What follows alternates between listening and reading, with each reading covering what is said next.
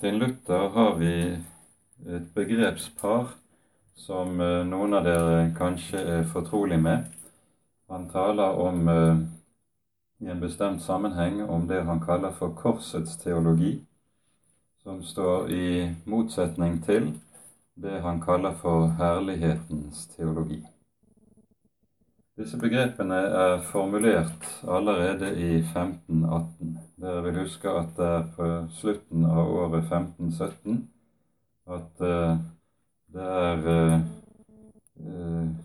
at avlatstesene, de 95 tesene, blir slått opp på uh, kirkedøren til Slottskirken i Wittenberg. Og med det så begynner det vi kaller for reformasjonen å rulle. Luther hadde vel for sin egen del ikke drømt om at eh, det han skrev i de 95 tesene, skulle komme til å få slike konsekvenser som det faktisk fikk.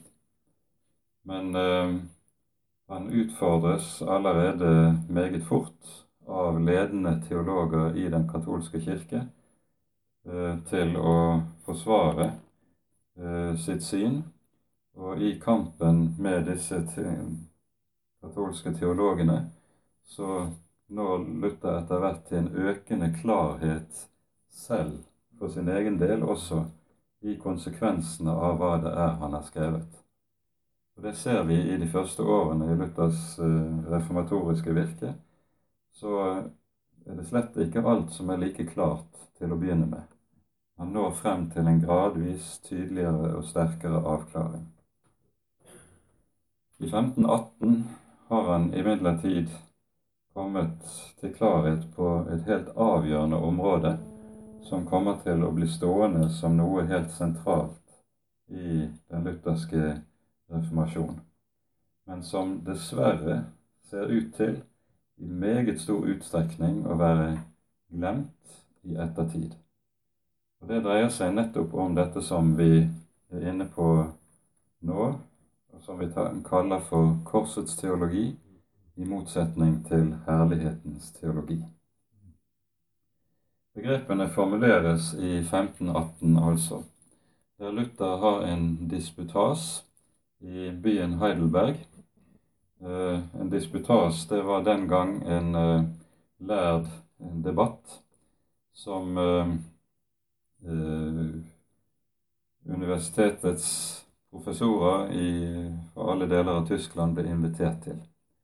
Og Når en inviterte til en slik lærd samtale, så eh, skrev da han som innbød, nemlig Luther i denne sammenheng, en rekke teser eh, som ble sendt til ut, og som da skulle drøftes i disputasen. Denne Heidelberg-disputasen kom til å bli meget viktig i uh, hele den lutherske måte å tenke på. Fordi det Luther her gjør, det er at han gir oss en kristen virkelighetsforståelse som på en helt annen måte tar Bibelen og det bibelske budskap på alvor enn det som vi uh, ser i svært mange sammenhenger for øvrig. Han begynner denne disputasen med å si omtrent uh, følgende Ikke den er en rett teolog som vil kjenne Gud gjennom det skapte og Guds gjerninger gjennom de skapte ting. Men den er en rett teolog som kjenner Gud gjennom kors, gjennom lidelse og nød. Slik begynner han, og han føyer til i eh, denne siste setningen med å si 'den som vil kjenne Gud bakfra gjennom kors, lidelse og nød'. Dette er jo et underlig uttrykk. Å kjenne Gud bakfra. Hva betyr det? Luther tar da utgangspunkt i noen ord som vi leser i Andre Moseboks 33. kapittel. Her det, hører vi om hvorledes Moses ber for Israels folk etter synden med gullkalven. Eh, vi hører om tre slike bønnekamper som Moses står oppe i etter dette fallet som Israels folk gjør. Og han har allerede mottatt Guds løfte om at han vil ta folket til nåde. Men nå skal folket bryte opp og forlate Sinai, og Herren har sagt at han ikke selv vil gå med folket. Han vil sende en engel med dem, for uh, han vil Herren sier fort kunne min vrede opptennes, og dere måtte gå til grunne på veien. Og Derfor vil ikke Herren selv gå med dem. Og så er det i denne siste bønnekampen at Moses, vi hører Moses trenger inn på Gud. For han vil ikke dra, bryte opp fra Sinai uten at Herren er med dem. Og det er dette denne kampen eh, dreier seg om, og vi hører om hvorledes Moses liksom skritt for skritt trenger seg inn på Herren. Og så til slutt leser vi i vers 18 at Moses sier La meg da få se din herlighet. Og Herren svarer ham, Jeg vil la all min godhet gå forbi ditt åsyn, og jeg vil rope ut Herrens navn for ditt åsyn. og jeg vil være nådig mot den jeg er nådig imot, og miskunne meg over den jeg miskunner meg over.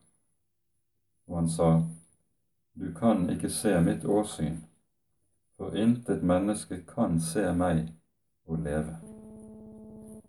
Deretter sa Herren, Se, her tett ved meg er der et sted. Still deg der, på klippen. Og når min herlighet går forbi, vil jeg la deg stå i fjellkløften, og jeg vil dekke deg med min hånd, over, dekke over deg med min hånd, til jeg er gått forbi. Så vil jeg ta min hånd bort. Da kan du se meg bakfra. Men mitt åsyn kan ingen se. Og Så er det da Martin Luther stiller spørsmålet hva vil dette si? Å se Gud bakfra. Moses har fått et meget tydelig svar fra Herren. Ingen kan se mitt åsyn og leve. Det er slik at Gud i sin herlighet, i sin allmakt, er så veldig at intet menneske tåler å se ham med sitt ytre øye, se ham direkte her i verden, her i tiden. Delvis henger det sammen med vår syndighet, men det henger også sammen med Guds veldes herlighet. Jeg av og til, når jeg har undervist konfirmanter, sammenlignet dette med Tenk deg at du en sommerdag, når solen står på det høyeste på himmelen, prøver å se inn i solen. Tar du et lite glimt, et øyeblikk, så blendes øynene dine. Men prøver du å stirre inn i solen, så vil øynene ødelegges. Fordi lyset er så sterkt at øynene tåler det ikke. Hva da med Han som har skapt alle universets milliarder på milliarder av soler? Vi tåler ikke å se det lys som Han er i sin herlighet. Ikke bare vil øynene våre ødelegges, men hele vårt vesen vil bryte sammen et slikt, i et slikt møte. Derfor sier altså Herren, intet menneske kan se mitt åsyn og leve. Så får Moses da i stedet høre, du skal få se meg bakfra. Og hva vil det si? Luther går da videre direkte til første Korinterbrevs første kapittel der vi på ny leser noen aldeles merkverdige ord her fra Herrens apostel.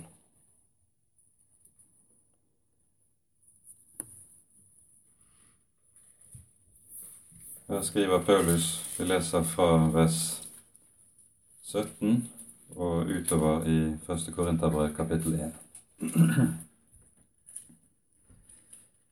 Kristus har ikke utsendt meg for å døpe, men for å forkynne evangeliet, og det er ikke med vise ord, for at Kristi kors ikke skulle tape sin kraft.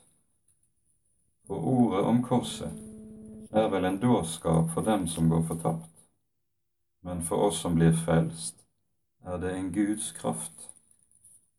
For det står skrevet, jeg vil ødelegge de vises visdom, og de forstandiges forstand vil jeg gjøre til intet. Hvor er en vismann? Hvor er en skriftlærd? Hvor er en forsker i denne verden? Har ikke Gud gjort verdens visdom til dårskap? For da verden ved sin visdom ikke kjente Gud i Guds visdom, fant Gud det for godt å frelse dem som tror, ved forkynnelsens dårskap. For jøder krever tegn, og grekere søker visdom. Men vi forkynner Kristus korsfestet, for jøder et anstøt, og for hedninger en dårskap.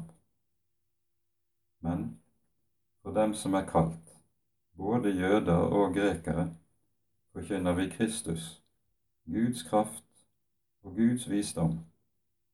For Guds dårskap er visere enn menneskene, og Guds svakhet er sterkere enn menneskene. Her hører vi Paulus anvende uttrykk som vi vel aldri hadde kunnet anvende hvis ikke Herrens apostel bruker dem. Han taler om Guds dårskap. Umiddelbart måtte jo det høres ut som nesten noe bespottelig å anvende et sånt uttrykk. Han taler om Guds svakhet likeså. Hvordan kan apostelen tale slik?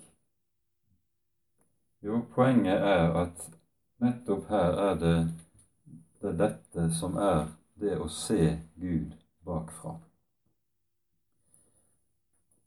Sammenhengen som vi her hører om i første Korinterbrev, har det som bakgrunn at det er en enkelte i menigheten i Korint som reagerer på Paulus sin forkynnelse. Paulus sier selv i kapittel 2 at han ville ikke vite noe annet iblant dem enn Jesus Kristus og ham korsfestet. Og ham korsfestet. Vi forstår at korset det er selve sentrum i apostelen sin forkynnelse.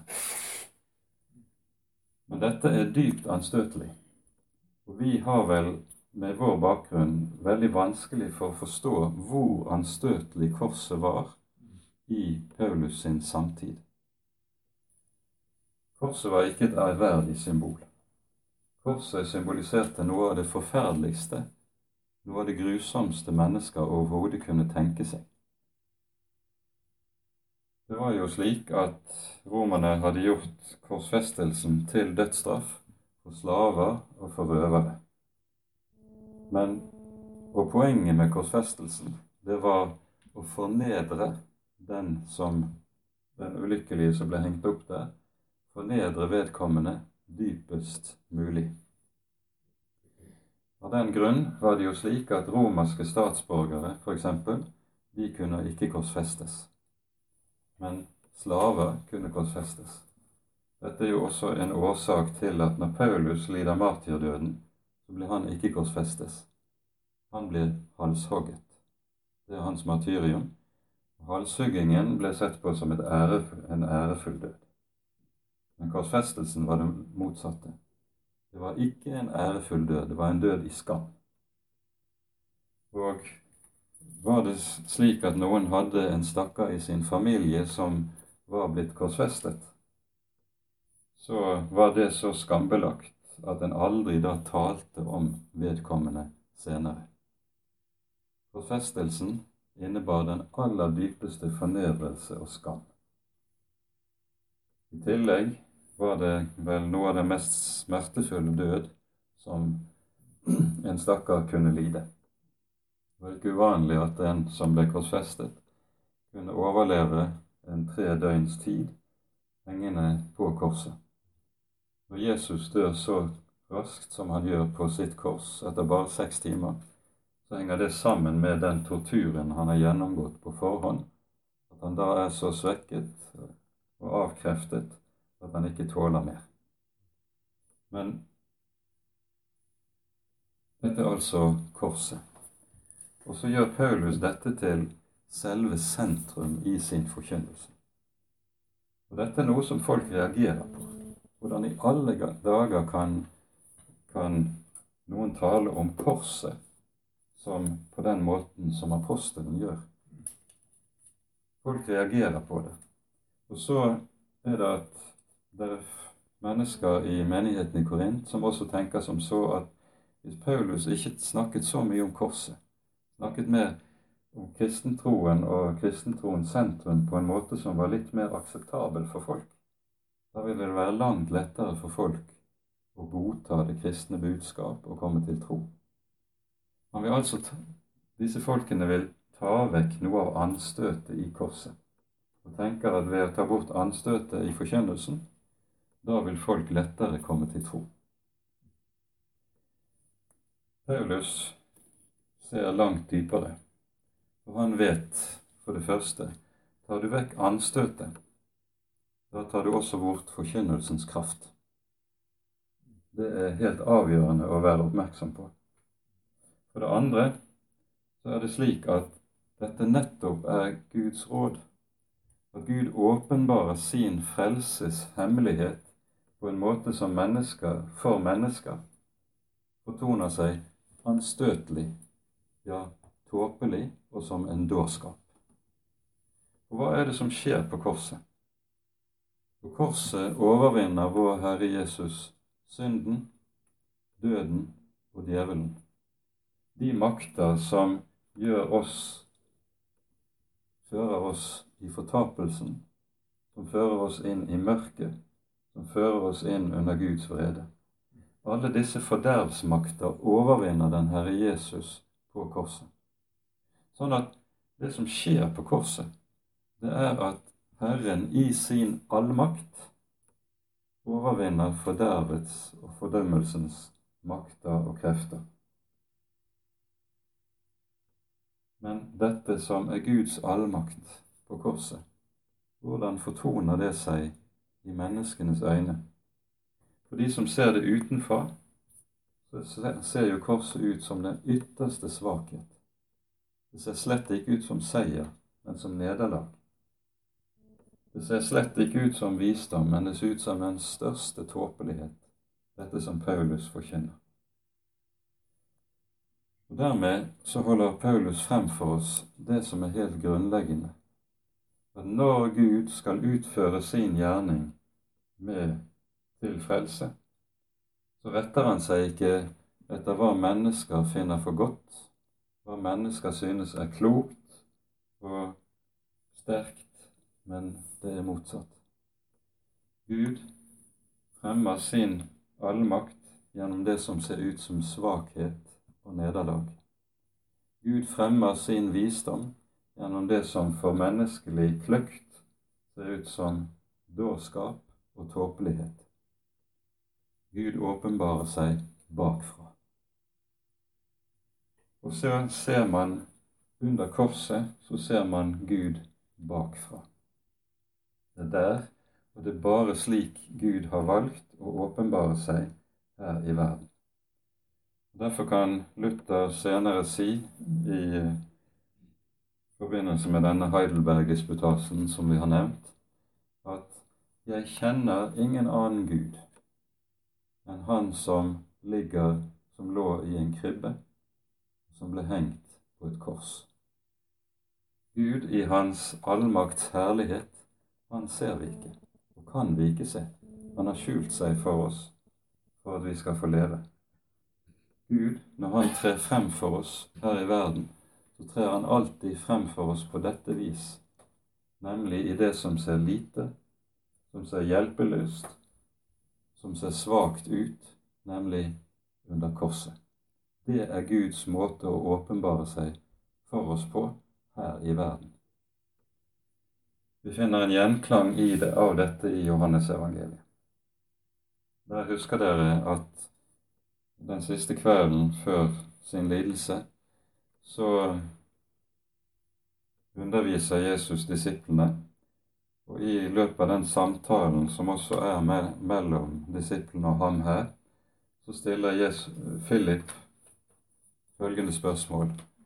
Herre, vis oss Faderen, og det er oss nok.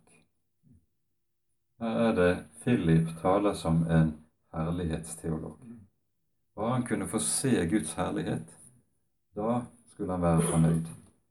Men nå er han engstelig. Sammen med de andre disiplene, de fylt av angst, fordi Jesus har jo varslet dem om hva det er som nå ligger foran.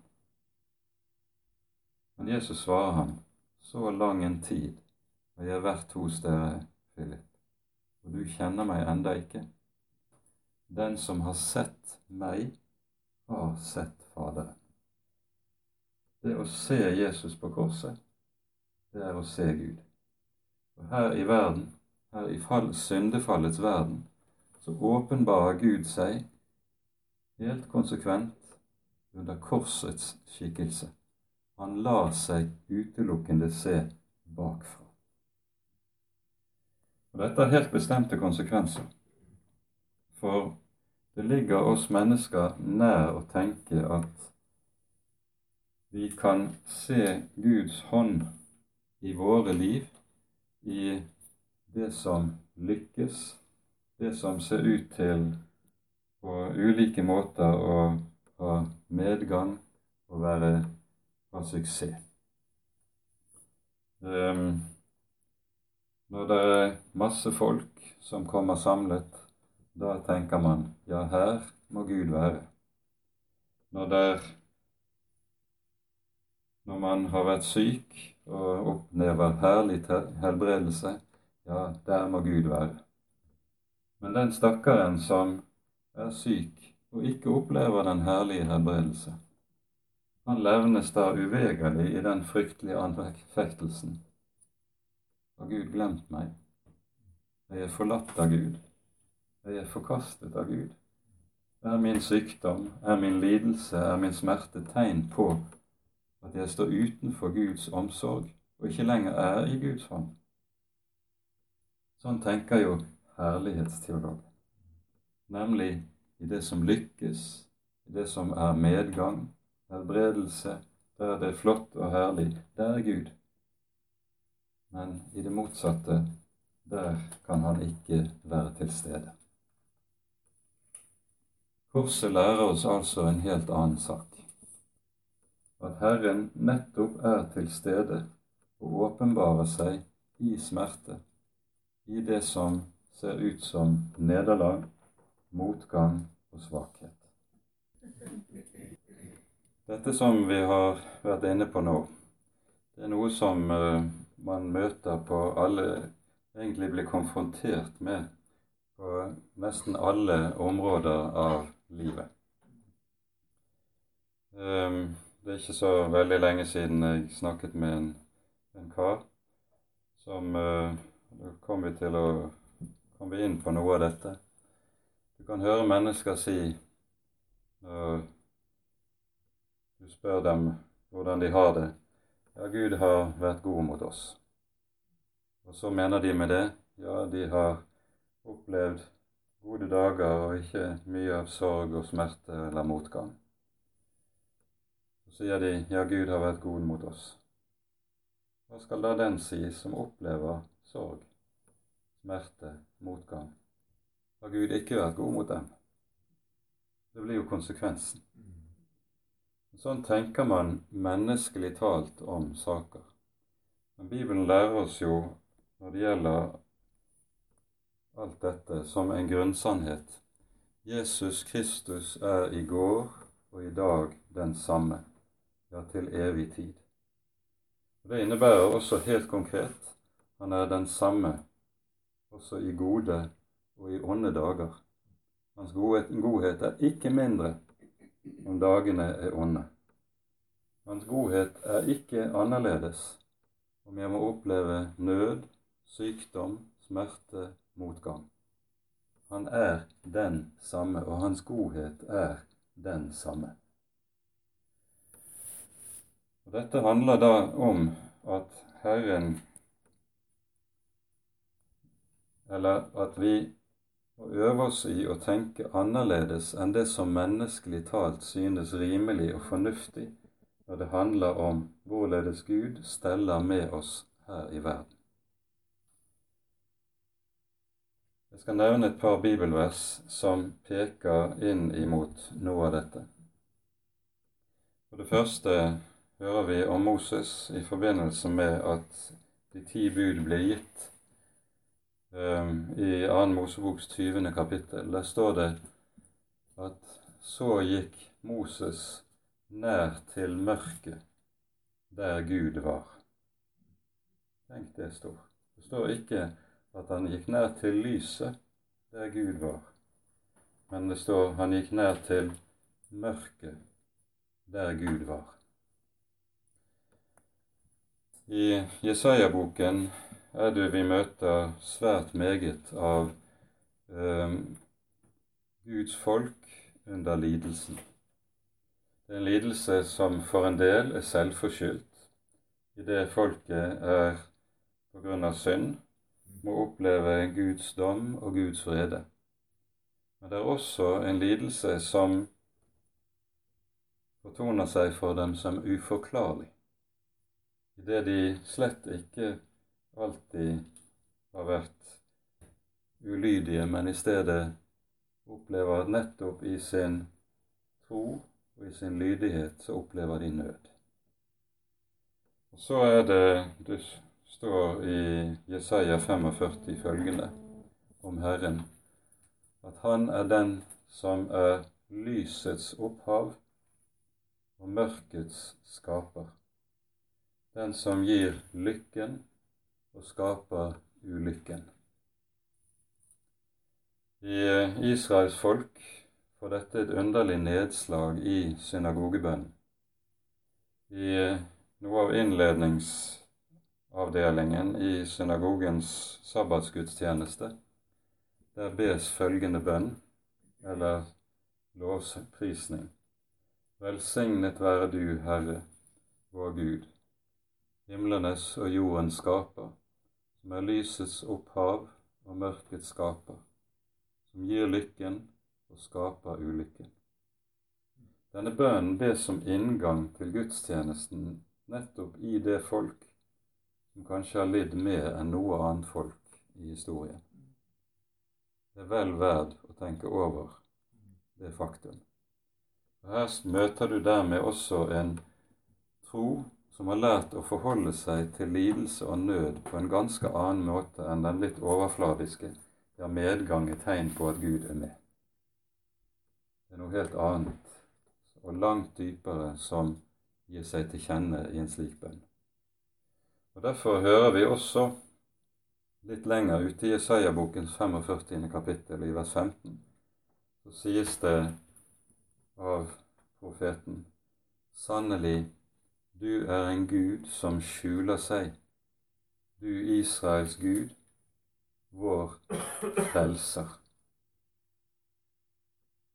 Merk dette, det at Herren skjuler seg, knyttes sammen med at Herren frelser. Hvordan er det Herren skjuler seg? Han skjuler seg nettopp under lidelse, under kors og under trengsel. Dette har det, det med seg som uh, Luther også drar inn i uh, sine, sin disputas i Heidelberg ordene fra Første Samuels bok, kapittel 2, Hannas lovsang, der Hanna bl.a. synger i sin lovsang Herren døder og gjør levende. Han fører ned i dødsriket og opp derifra. Herren fornedrer, og han opphøyer.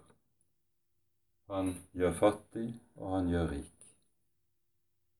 Poenget er at Gud hele tiden gjør to gjerninger. Han døder, og han gjør levende. Og Disse to gjerningene er knyttet sammen. Det er ikke sånn at han gjør det ene en dag og det annet en annen dag. Det er knyttet sammen på den måten at når Gud vil gjøre levende, så gjør han det ved å døde. Når Gud vil gjøre rik, så gjør han det ved å gjøre fattig. Når Gud vil gjøre sterk, så gjør han det ved å gjøre et menneske svakt og hjelpeløs. Dette er det Paulus også har sett når vi hører ham berette i 2. Korinterbrevs 12. kapittel om tårnen i kjødet. Her forteller han om sine, først om sine høye åpenbaringer, og så føyer han til for at jeg ikke skal opphøye meg av disse høye åpenbaringer, er det gitt meg en tårn i kjødet, en Satans engel som skal slå meg, for at jeg ikke skal opphøye meg. Om denne ba jeg Herren tre ganger at den måtte bli tatt fra meg, sier apostelen videre.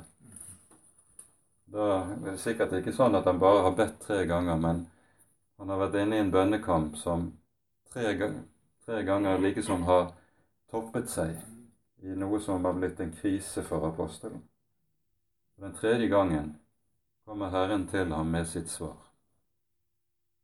Min nåde er deg nok. For, sier han, min kraft fullendes i skrøpelighet.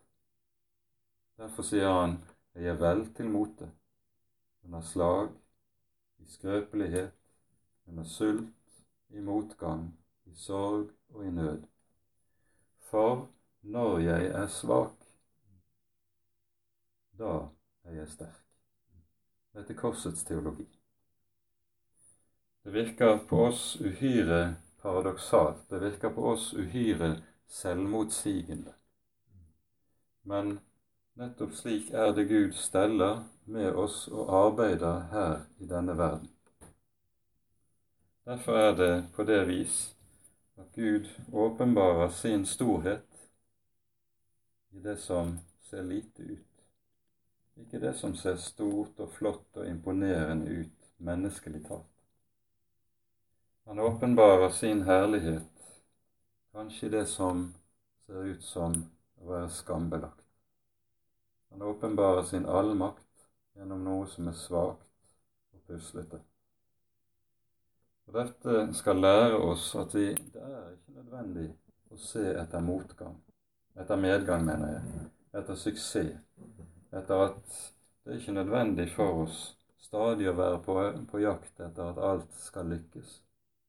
Hvis det er slik at Han er en Gud som åpenbarer seg her i tiden på denne måten, så er Han en Gud som er annerledes enn det vi tenker med våre menneskelige tanker.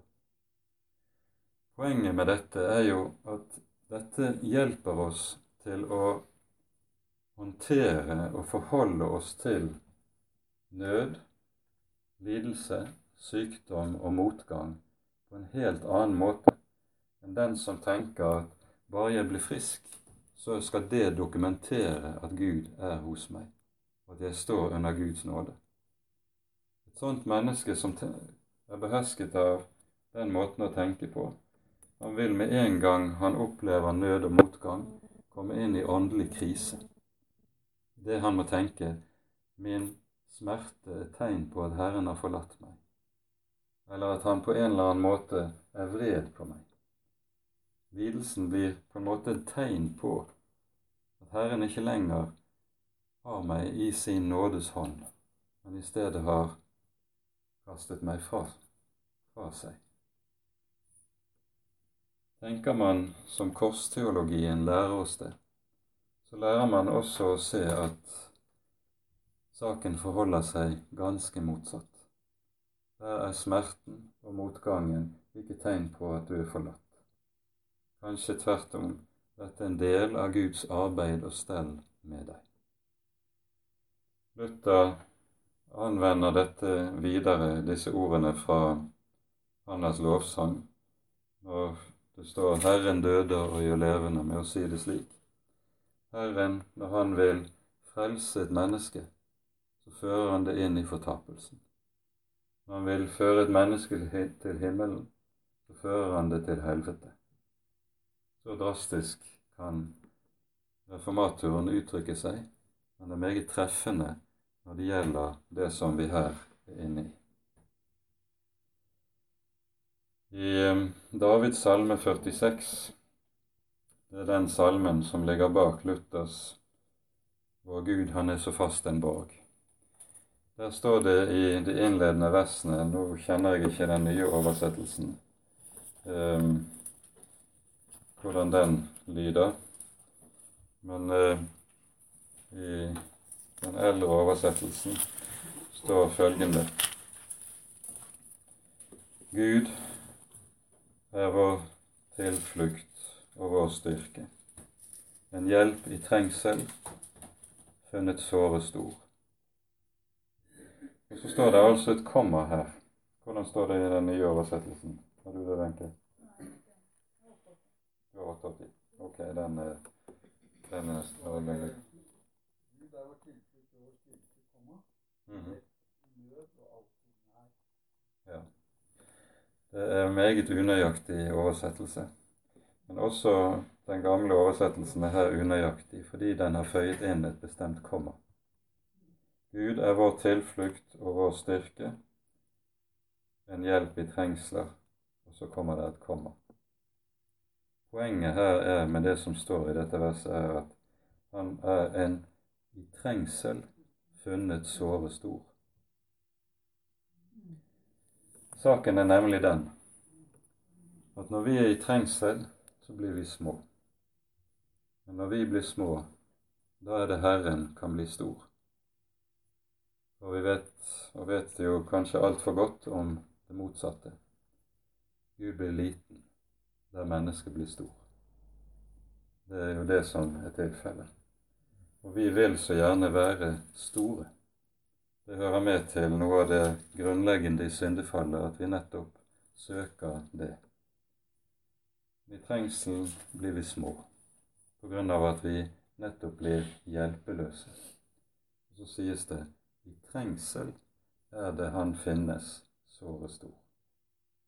Da et menneske riktig lærer å skjønne og erfare og se noe av hvilken stor Gud det er vi har.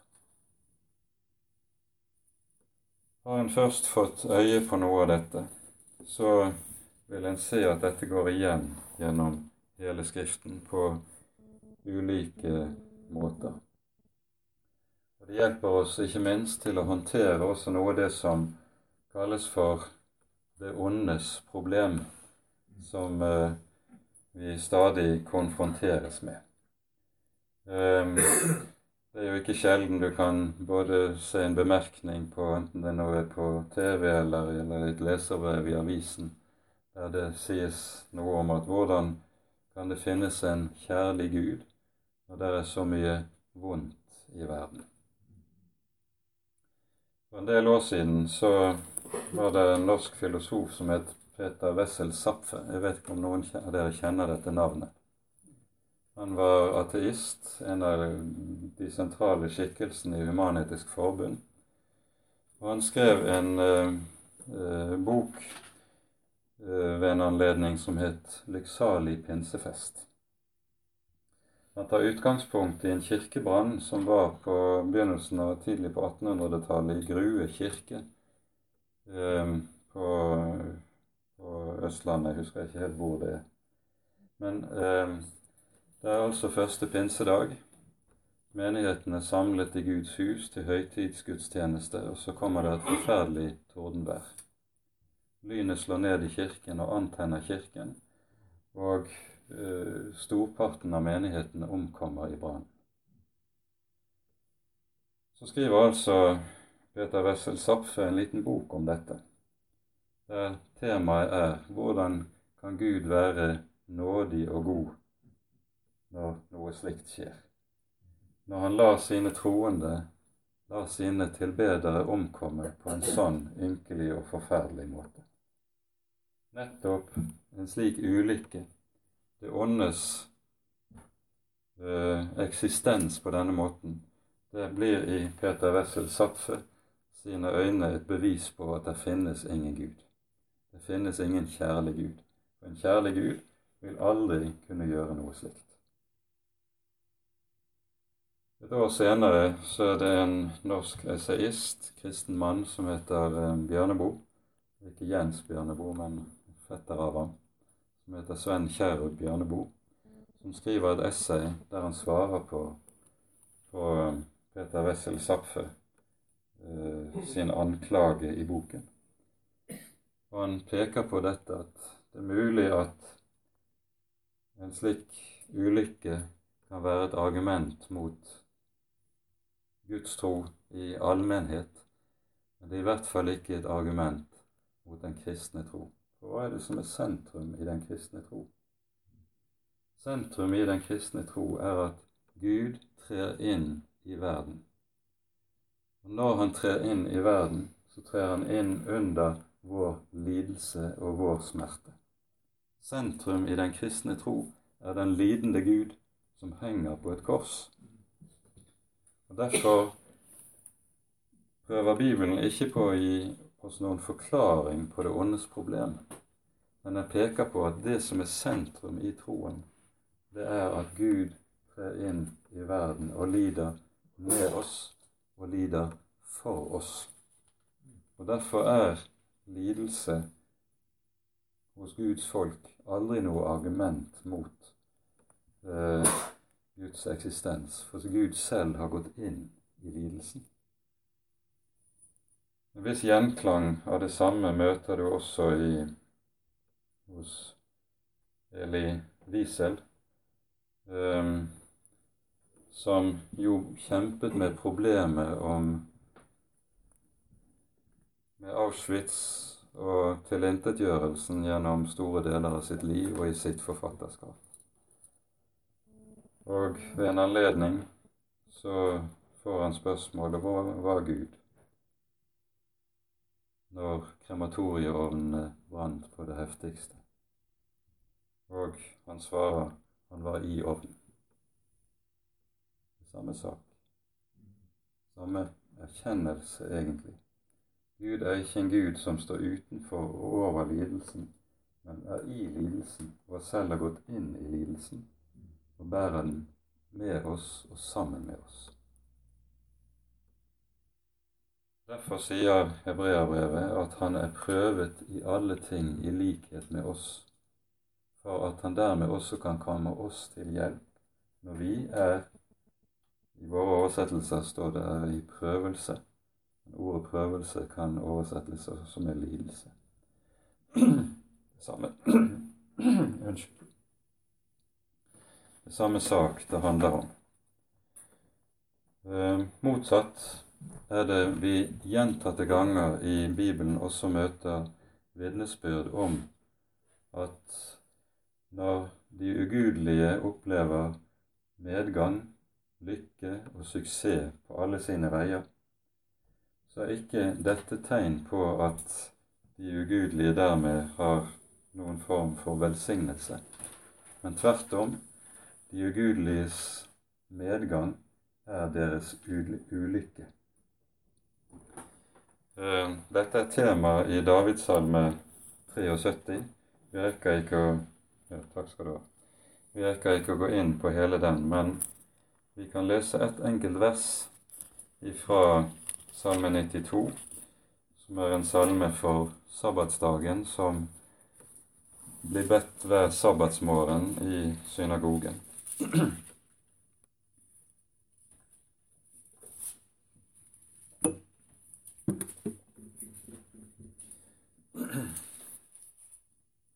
Vi leser fra vers 6 til vers 8. Hvor, hvor store dine gjerninger er, Herre, overmåte dype er dine tanker.